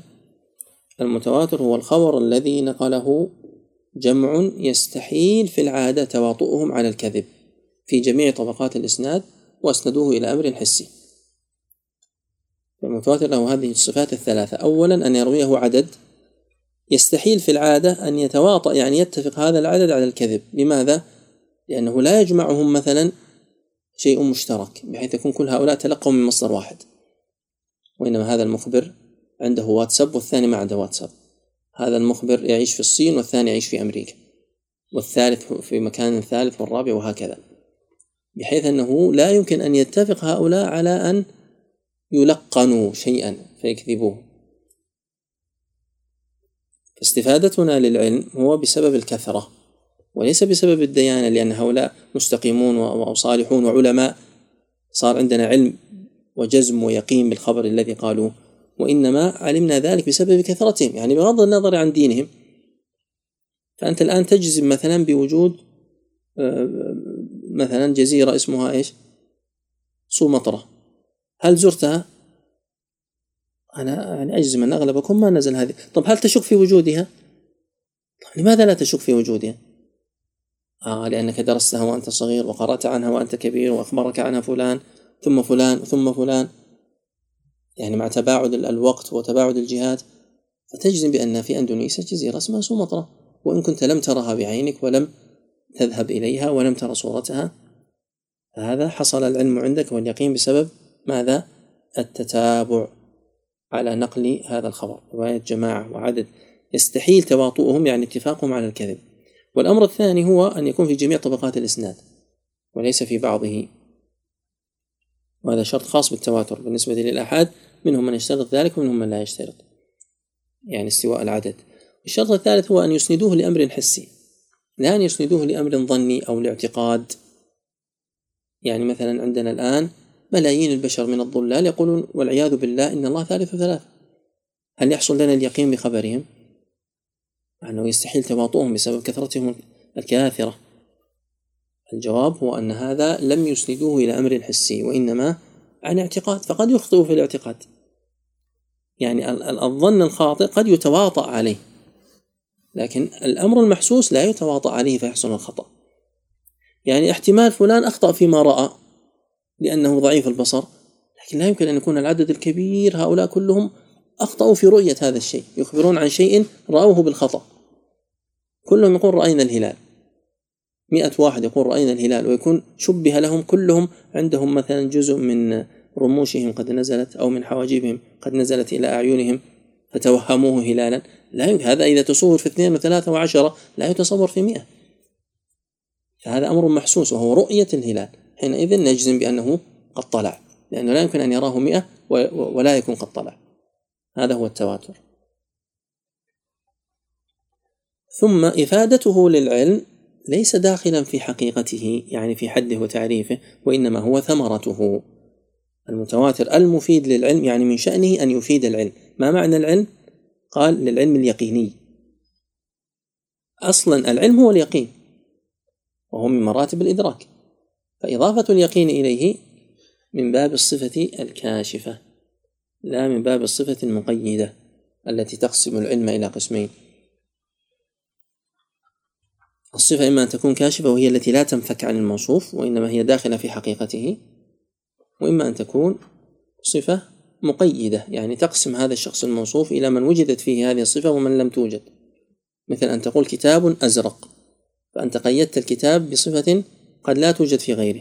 وهناك كتاب ليس بأزرق لكن عندما تقول آه إنسان حي كل إنسان حي. هذه الصفة من باب التوضيح والبيان. فكذلك العلم موضح بأنه يفيد اليقين. بشروطه وهي الشروط الثلاثة السابقة. المؤلف جعلها رابعة وجعل العلم أمرا رابعا لكن نحن نقول بأن العلم هو الثمرة والنتيجة التي تنتج عن وجود خبر التواتر. فحينئذ إذا وجد خبر متواتر فإنه لا ينظر إلى إسناده لماذا؟ لأنه حصل العلم بذاته وهل توجد أحاديث عن النبي صلى الله عليه وسلم متواترة؟ الصواب نعم وكثيرة فكلمة نعم فيها رد على ابن حبان والحازمي الذين قالوا لا يوجد متواتر أصلا وكثيرة فيها رد على ابن الصلاح والنووي الذين قالوا المتواتر قليل وقد ألف فيها العلماء مؤلفات حتى قال السيوطي ولي فيها مؤلف وهو كتاب الأزهار المتناثرة. والسبب في آه، ادعاء عدمه أو السبب في ادعاء قلته أحد أمرين. إما عدم التصور الصحيح لمعنى التواتر وإما قلة الاطلاع على كثرة الطرق وعلى أحوال الرجال.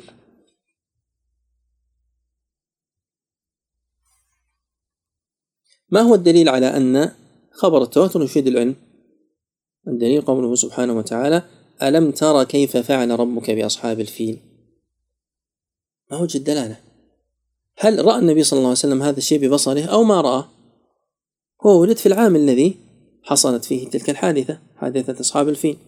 ولكن لشهرتها واستفاضتها إلى أن بلغت حد التواتر أخبر عنها بالرؤية يعني كأنك رأيته فقيل ألم ترى وكل ما كان من هذا القبيل في القرآن. يخبر عن شيء يسمع بألم ترى لماذا؟ لأنه من من آه من تواتره أصبح مرئيا. أصبح عند الإنسان به يقين كأنه كأنه رآه. كأنما رأى ذلك الشيء. مثال على حديث متواتر. قول النبي صلى الله عليه وسلم من كذب علي متعمدا فليتبوأ مقعده من النار. هذا حديث متواتر لفظي. جاء عن عدد كبير من الصحابة وعن من بعدهم هكذا.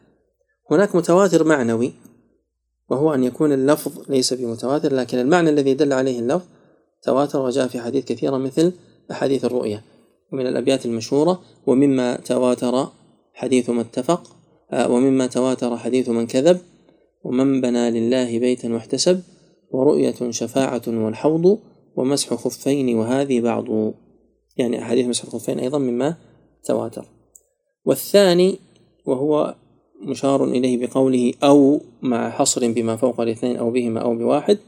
والثاني المشهور وهو المستفيض على رأي. ما هو الثاني؟ هو الخبر المروي بطرق مع حصر بما فوق الاثنين. يعني ما رواه ثلاثة فصاعدا.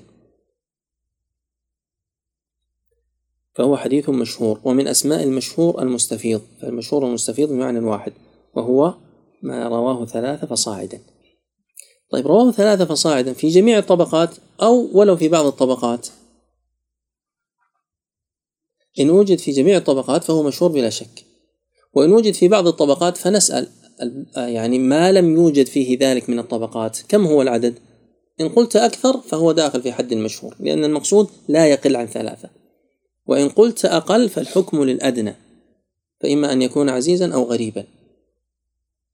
وإن فصلت فذلك جائز. فتقول هو مشهور من حديث فلان. يعني إلى فلان هو مشهور. إنما الأعمال بالنيات هو متواتر من حديث يحيى بن سعيد الأنصاري. لكن يحيى بن سعيد رواه عن محمد بن إبراهيم التيمي ولم يروه عنه إلا هو. ورواه محمد بن إبراهيم عن علقمة بن وقاص الليثي ولم يروه عنه إلا هو. ورواه علقمة عن عمر بن الخطاب ولم يروه عنه إلا هو. ورواه عمر عن النبي صلى الله عليه وسلم ولم يروه عنه بإسناد صحيح إلا هو. فبالنظر إلى هذا الجزء هو من الفرد من الغريب. وبالنظر إلى ما قبله هو من المشهور أو من المتواتر. وهناك قول قوله على الرأي إشارة إلى أن هناك قول آخر. فما هو هذا القول الآخر؟ هو أن بين المشهور والمستفيض فرقا. فإذا كان آه الاستواء في العدد فإذا وجد الاستواء في العدد يعني من الابتداء إلى الانتهاء العدد واحد وهو عدد المشهور فحينئذ يكون مستفيضا. وإلا فهو مشهور يعني أن المشهور أعم من المستفيض. وهناك قول آخر بالعكس. ذهب الحنفية إلى أن المشهور هو ما رواه ثلاثة.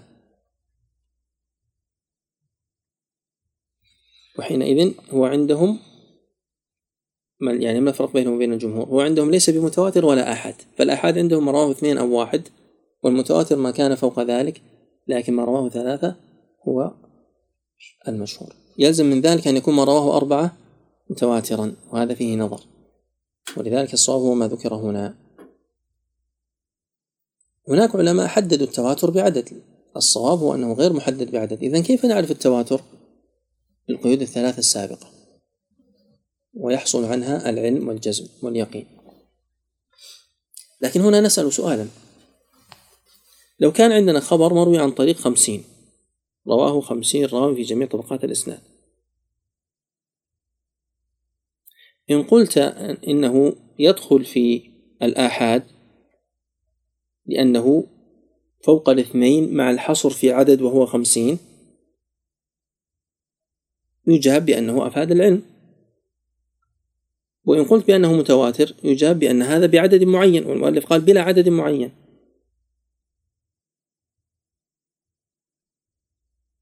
يعني مع حصر بما فوق الاثنين إلى أي حد؟ هذا هو محل السؤال الآن.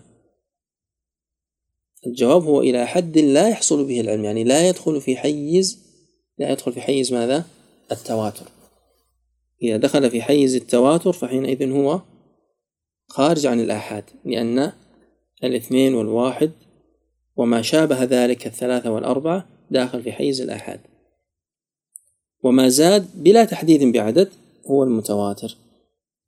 المشهور يطلق أيضا بمعنى الحديث الأحاديث المشتهرة على ألسنة الناس يعني الأحاديث المنتشرة هذا اصطلاح آخر كما في كتاب المقاصد الحسنة للسخاوي كتاب الدرر المنتثرة للسيوطي كتاب كشف الخفاء للعجلوني وهو كتاب نافع في مجلتين في فوائد ليست في غيره وكتاب تمييز الطيب من الخبيث لابن الديبع. الجد الحثيث مما ليس بحديث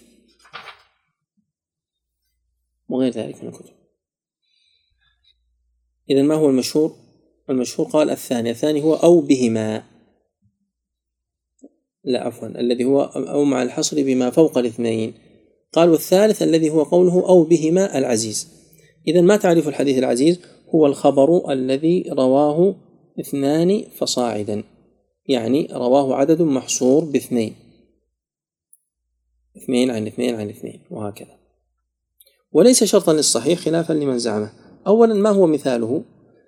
أشهر مثال للحديث العزيز هو قول النبي صلى الله عليه وسلم لا يؤمن أحدكم حتى أكون أحب إليه من والده وولده والناس أجمعين. وهناك مثال آخر من طريق ابن عمر ذكره ابن حجر والسخاوي من أراده فليراجعه لكن نقتصر على شرح هذا المثال. آه، كيف كان هذا الحديث عزيزا؟ يعني رواه اثنان في جميع الطبقات. يقول بالنظر إلى طبقة الصحابة رواه أنس وأبو هريرة. والراوي له عن أنس أو آه، خرجه عن أنس البخاري ومسلم. وعن أبي هريرة البخاري. نأخذ طريق أنس رضي الله عنه. رواه عن أنس اثنان في طبقة التابعين وهم وهما قتادة وعبد العزيز بن صهيب. قتادة بن دعامة السدوسي وعبد العزيز بن صهيب رواه عن أنس. طيب نأخذ طريق قتادة. رواه عن قتادة شعبة وحسين المعلم. شعبة كما في الصحيحين وحسين المعلم لكن لفظ حسين يختلف عن لفظ الحديث. فإما أنه حديث مستقل وليس هو هذا الحديث لأن غالبا رواه إنما رواه بطريق حسين فقط وإما أنه من هذا الحديث حتى يكون مثالا صحيحا لماذا؟ أولا ما هو اللفظ الآخر؟ اللفظ الآخر هو آه، لا يؤمن أحدكم حتى يحب لأخيه ما يحب لنفسه أو لجاره ما يحب لنفسه هذا هو لفظ حديث حسين المعلم عن قتادة عن أنس ابن حجر قال شعبة وسعيد بن أبي عروبة وليس سعيد بن المسيب. سعيد بن أبي عروبة من أوثق الناس في قتادة. لكن في الحقيقة أنه لا يوجد من حديث سعيد عن قتادة عن أنس. ولذلك شكك في ذلك السخاوي. قال تابعت فيه شيخنا ولكنني لا لا أعلمه. يعني لا يعرف أين يوجد هذا الإسناد. لو أخذنا طريق عبد العزيز بن صهيب فقد رواه عنه إسماعيل بن علي وعبد الوارث بن عبد الصمد. ففي طبقة أتباع التابعين عبد الوارث وإسماعيل بن علية وفي طبقة التابعين عبد العزيز بن صهيب وقتادة وفي طبقة الصحابة أنس وأبو هريرة. ويكون إسماعيل وعبد الوارث عن عبد العزيز بن صهيب عن أنس. وشعبة وحسين عن قتادة عن أنس. هذا يسمى الحديث العزيز. ولماذا سمي عزيزا؟ سمي عزيزا لندرته. بل إن ابن حبان يقول لعدمه لا يوجد أصلا حديث عزيز. من باب أولى. لا ليس من باب أولى وإنما هو قال لا يوجد متواتر ولا يوجد عزيز. ابن حجر قال إذا كان يقصد أن يستمر الأمر هكذا إلى آخر الإسناد يمكن أن يسلم. اثنين اثنين اثنين إلى آخر الإسناد يمكن أن يسلم. أما إذا كان لا يقصد لا يوجد أبدا ولو في بعض طبقات الإسناد فهذا لا يسلم. يوجد أحاديث رواها اثنان عن اثنين. أنا أستأذنكم فقط في زيادة يسيرة يمكن نحتاج ربع ساعة ونختم إن شاء الله. الصواب هو وجود الحديث العزيز والعزيز من الندرة. قلنا لماذا سمي عزيزا؟ لأنه نادر قليل. من عز يعز. عز يعز بمعنى قل. وعندنا عز يعز بمعنى قوي. واشتد وبمعنى آه، شرف. ضد ذل. عز ضد ذل. وهنا فائدة جميلة. وهي أن صاحب فتح الملهم آه، آه، شبير العثماني تمنى لو سمى المحدثون ما رواه ثلاثة بالعزيز. لقوله تعالى فعززنا بثالث وتمنى لو سمى المحدثون ما رواه اثنان بالمؤزر. لماذا؟ لقوله تعالى واجعل لي وزيرا من أهلي هارون أخي. لأن الاصطلاح كلما قرب من الاستعمال القرآني كان أحسن وأليق. هل أعطيناكم سؤال للبحث ولا ما أعطيناكم؟ إلى الآن ما جاء سؤال ها؟ لابد أن يكون في كل مجلس سؤال للبحث بحيث أنه إيش؟ تحضر الإجابة في المجلس القادم. فقبل أن أنسى أعطيكم السؤال الآن.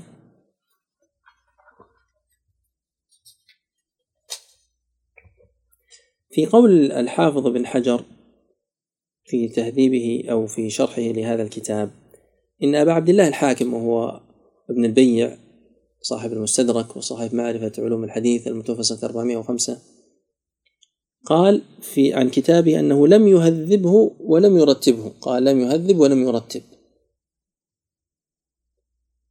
ونفس هذا الكتاب عندما وصف ابن خلدون قال هو الذي هذبه وأظهر محاسنه أي محاسن علوم الحديث. فمحل البحث الآن تبحثون كيف كان هذبه ولم يهذبه؟ هل هو هذبه؟ فيكون كلام ابن حجر غير صحيح. أو هو لم يهذبه فيكون كلام ابن خلدون صحيح. أو كلاهما كلامه صحيح وله توجيه. تأتون بالإجابة إن شاء الله في الدرس القادم. إذا عرفنا الآن ما هو الحديث العزيز وما هو تعريفه. بقينا في القسم الأخير. قال رحمنا الله وإياه.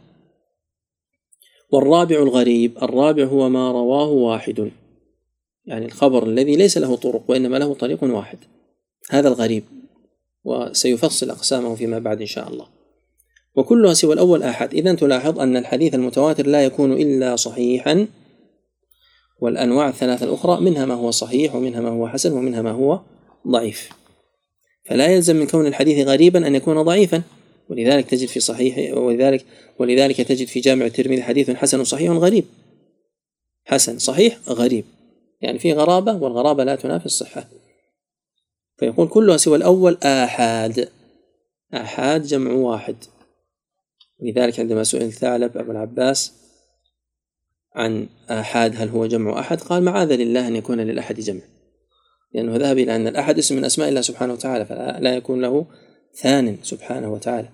لكن إذا جعلت أحد اسما لغير الله فيمكن أن تجمعه على أحد مثل يوم الأحد. آحاد كثيرة غاب فلان عن درس الأحد.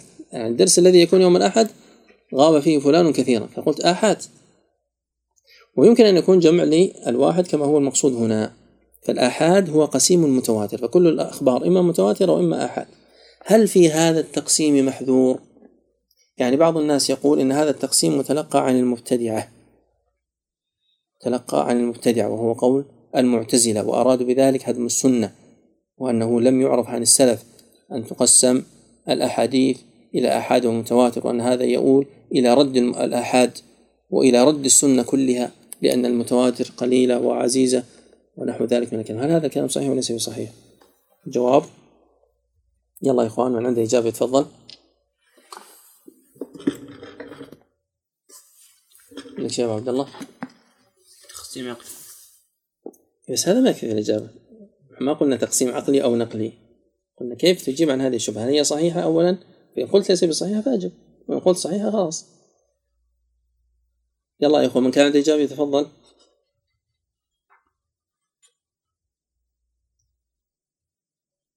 شيخنا نعم تفضل. آه، التقسيم من حيث يعني الفكرة العقلية صحيح بس من حيث استخدامه للوصول ل يعني توابع لها أثر خاطئ في العقيدة وغيره هنا الخطأ.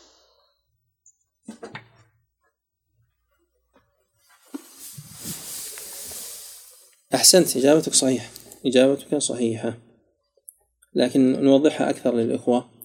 فنقول بارك الله فيكم بأن هذا التقسيم أولا هو ليس تقسيما حديثا مبتدعا وإنما هو تقسيم سلفي. لكن آه، مثل ما نحن نقول اصطلاح وتواضع يعني اصطلحوا على تسميته بالمتواتر.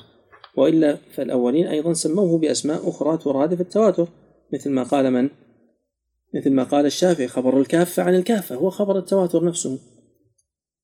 فإذا كان الإشكال في اللفظ فهذا اصطلاح. ولا مشاحة في الاصطلاح لأنه لا يخالف دليلا ولا قاعدة مقررة في علم من العلوم. وإن كان الإشكال هو في حقيقة التواتر فلا يلزم من وجوده أن ومن الإقرار بهذا التقسيم أن يقال بما فوق ذلك من رد الآحاد والاقتصار على التواتر كما يقوله المعتزلة. وهو وارد في كلام المتقدمين. ثانيا أن يقال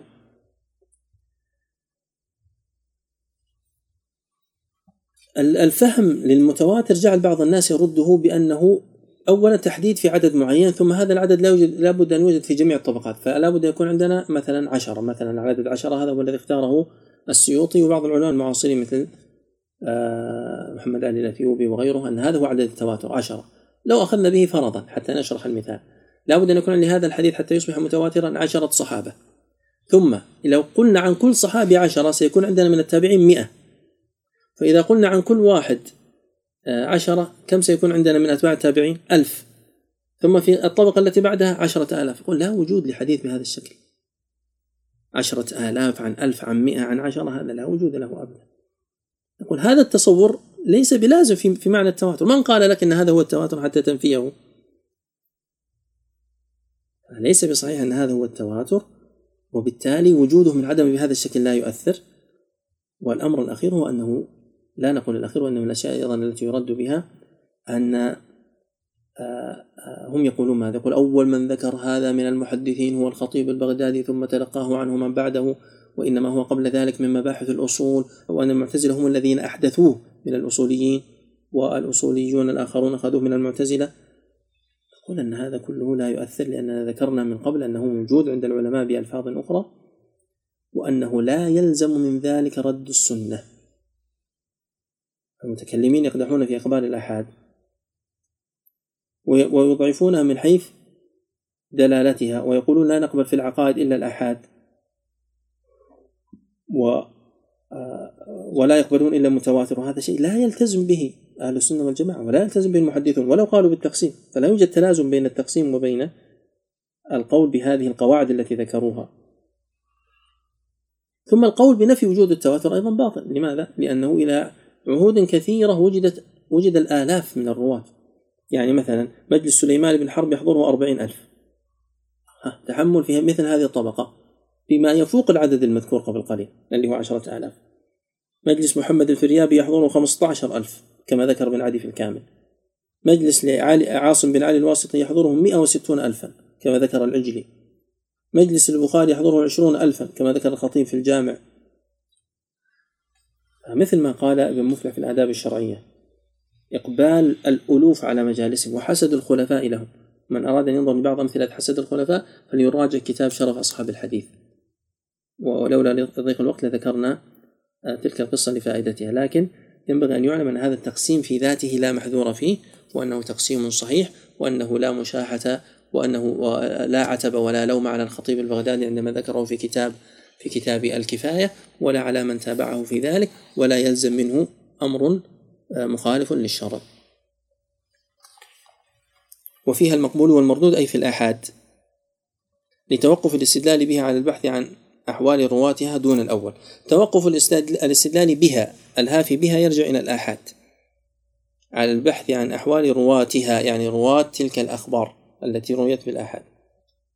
دون الأول أي دون المتواتر. فإن المتواتر لا يبحث عن رواته لأنه أفاد العلم بسبب الكثرة والاستفاضة. المبحث الأخير فيما يتعلق بدرس اليوم قوله وقد يقع فيها ما يفيد العلم النظري بالقرائن على المختار. فيها الضمير يرجع إلى الآحاد.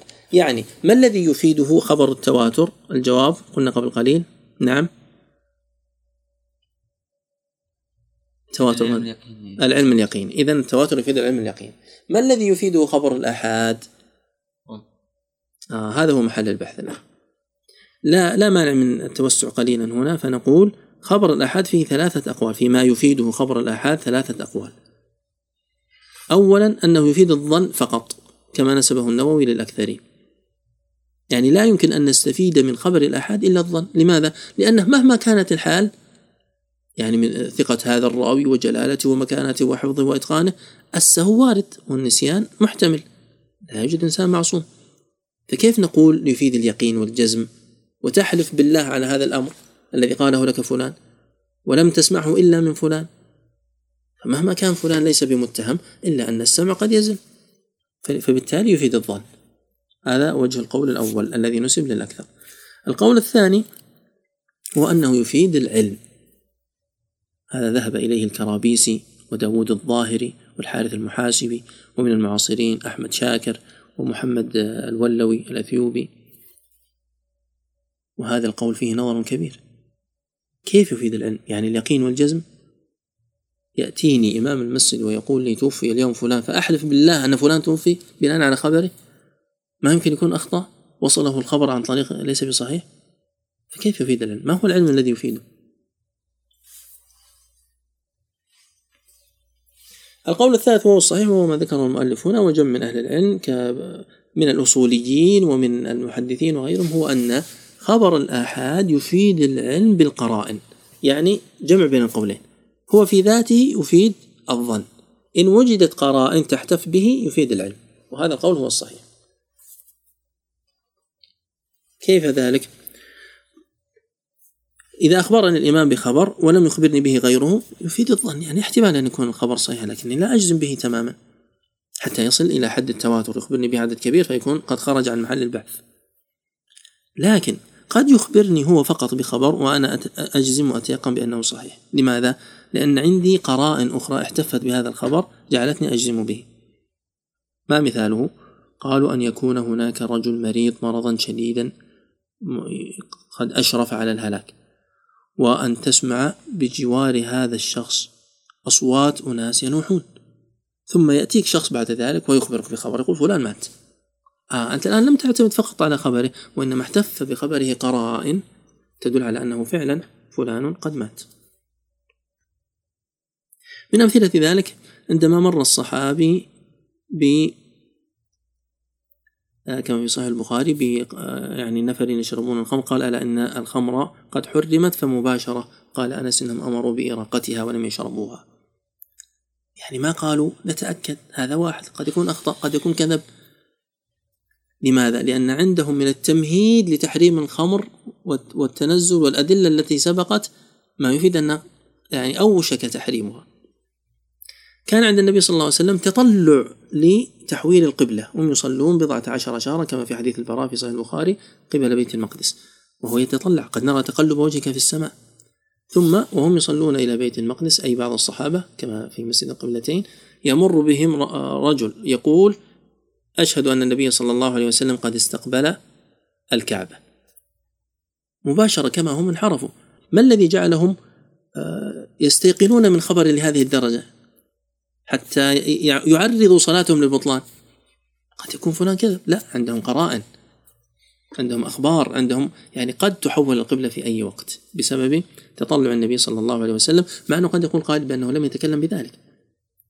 قد يقول قائل بأنه لم يتكلم بذلك.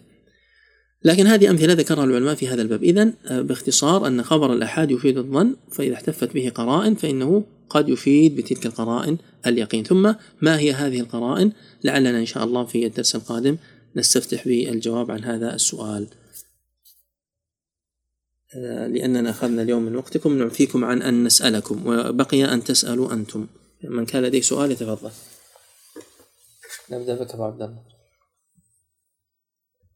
مسألة إنكار التقسيم؟ أي أي ما ما إنكار التقسيم. طيب. يقول بعض العلماء وهذه دعوة منتشرة الآن. يقولون لا يوجد حديث متواتر وآحاد. هذا التقسيم ليس بصحيح. لا تقسم الحديث إلى متواتر وآحاد. لا تقول عن حديث متواتر. طيب لماذا يا شيخ لا نقول متواتر؟ قال لأن هذا التقسيم متلقى عن المعتزلة. فأنت عندما تقول هذا الكلام يكون فيك شبه بهم. طيب ماذا أقول عندما يكون الحديث له عدد كثير؟ بخلاف الحديث الذي ليس له إلا عدد واحد. نسأل هذا الشيخ سؤالا. فإن أتى بأي اسم آخر نقول أنت وافقتهم في المعنى وخالفتهم في اللفظ. لماذا؟ لأنك قسمت. يعني بالعقل هناك فرق بين حديث رواه عشرة وحديث ما رواه إلا واحد. ثم سمه ما شئت. سمه ما شئت. في الأخير أنت ستسلم بالتقسيم. هو معنويا يوجد فرق. لابد أن يوجد فرق. فهم يعني العلماء سموه متواتر وآحاد ولا يلزم من تقسيمهم أن يقولوا بما يقول به المعتزلة من رد الآحاد. نحن نقول يجب العمل بالآحاد ولو لم يفد العلم. يجب العمل بالآحاد يعني ما لم يتعارض مع غيره لأن الدلالة لها منحى آخر. قد يكون الخبر صحيحا لكنه منسوخ قد يكون الخبر صحيحا لكن هناك ما هو أصح منه في باب الترجيح قد يكون الخبر صحيحا لكن لا يعمل به بظاهره لوجود ما يعارضه وأن الجمع بينهما يقتضي أن يكون الحكم كذا. وهذا كله له أمثلته لعله يأتي إن شاء الله في باب التعارض كما في هذا المتن. فلا يلزم من القول بوجود التقسيم القول بما يبنيه المعتزلة على ذلك. طيب سؤال آخر. أحسن الله عليكم شيخ. وينكم آه، بالنسبة لمن يقول أن المتواتر آه، أن تعريف المتواتر هو ما هو الحديث الصحيح الذي تلقته الأمة بالقبول. نعم هذا القول جاء عن الإمام أحمد. هذا القول جاء عن الإمام أحمد. وهذا متعلق بما سنتكلم عنه فيما بعد وهي القرائن. يعني آه أنا أذكر لك الآن حديث آحاد ومع ذلك الذي رواه يعني يقول لك عبارة عظيمة جدا في إفادة العلم واليقين ليس فقط مجرد علم ويقين. قال يحيى بن عبد الله بن بكير لأبي زرعة الرازي قال له يا أبا زرعة ليس ذا زعزعة عن زوبعة وإنما تكشف الستر أو تكشف الستر أو الستر فترى النبي صلى الله عليه وسلم وأصحابه معه. مالك عن نافع عن ابن عمر. ما معنى هذا الكلام؟ يقول هذه الأحاديث ليست هيان عن بيان وفلان عن علان مجهول عن مجهول زعزعة عن زوبعة. وإنما هي أخبار أنقلها لك هذا المروي بهذا الخبر بهذا الإسناد كأنني أشاهده أمامي كأنه مصور وهو أمامي أراه رأي العين. النبي صلى الله عليه وسلم جالس والصحابي فلان أمامه يقول له كذا أو يمشي وفلان يمشي بجواره أو يطوف أو يسعى أو يصلي. لماذا؟ لأنه نقل لي من طريق مالك عن نافع عن ابن عمر. فعندي من اليقين وبرد القلب وثلج الصدر مما نقل بهذا الإسناد كأنني رأيته. فيدخل في ألم ترى كيف فعل ربك بأصحاب الفيل. طيب يا أخي مالك واحد ممكن يخطئ. نافع واحد ممكن يخطئ ابن عمر صحابي واحد. ومع ذلك أفاده ما يفيد اليقين. لماذا؟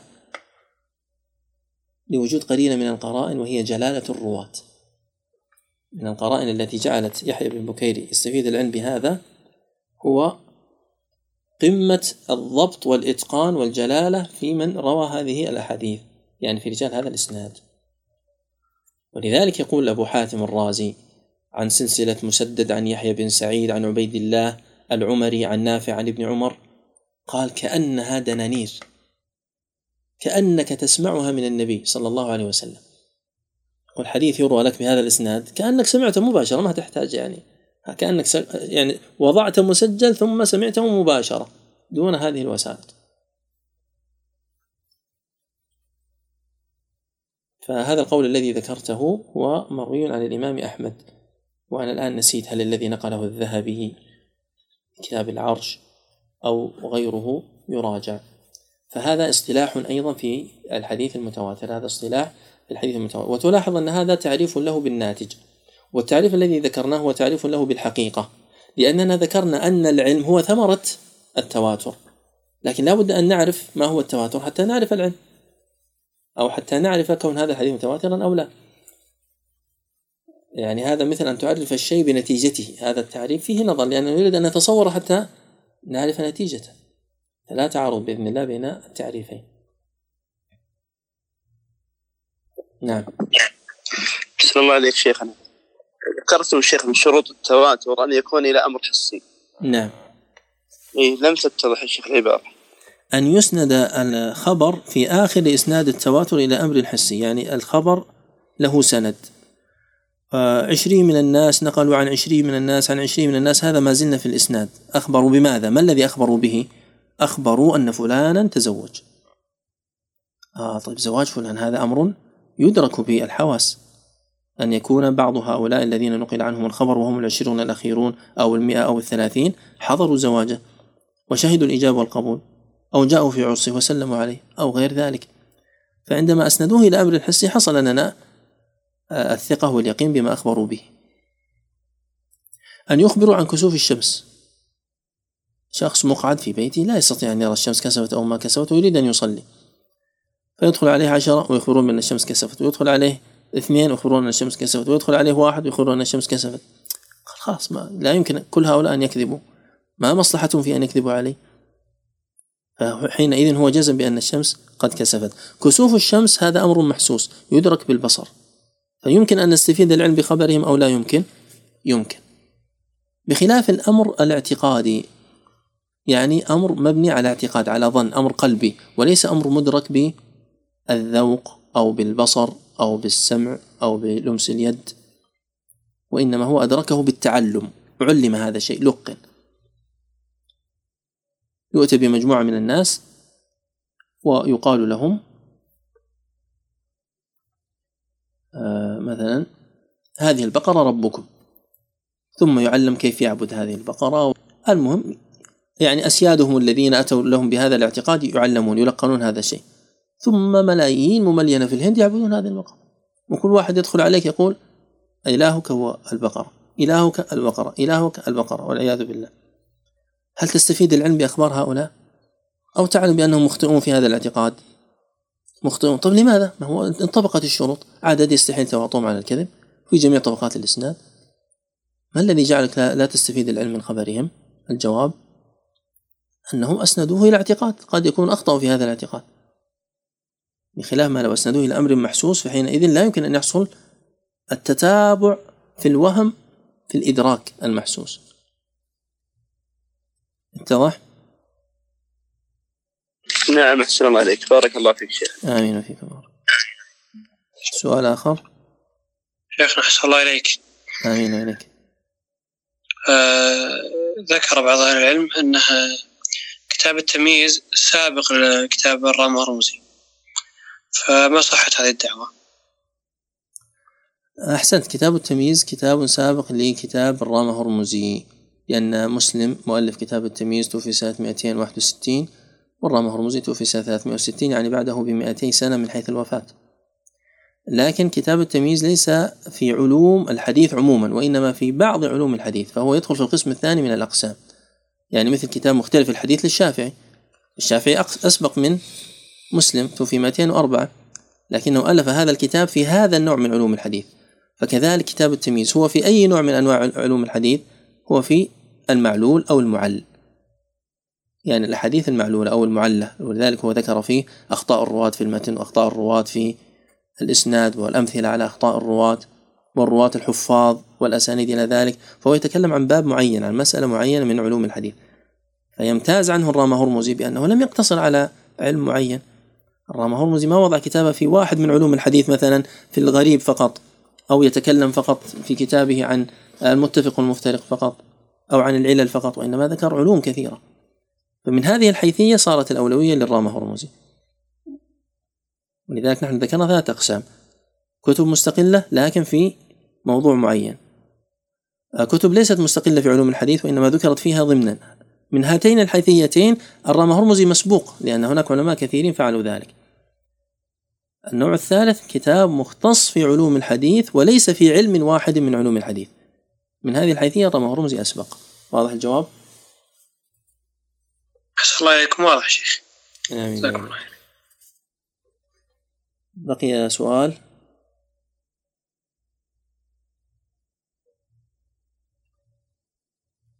طيب لعلكم إن شاء الله تسألون في الدرس القادم. وصلى الله وسلم على نبينا محمد وعلى آله وأصحابه أجمعين. نراكم على خير.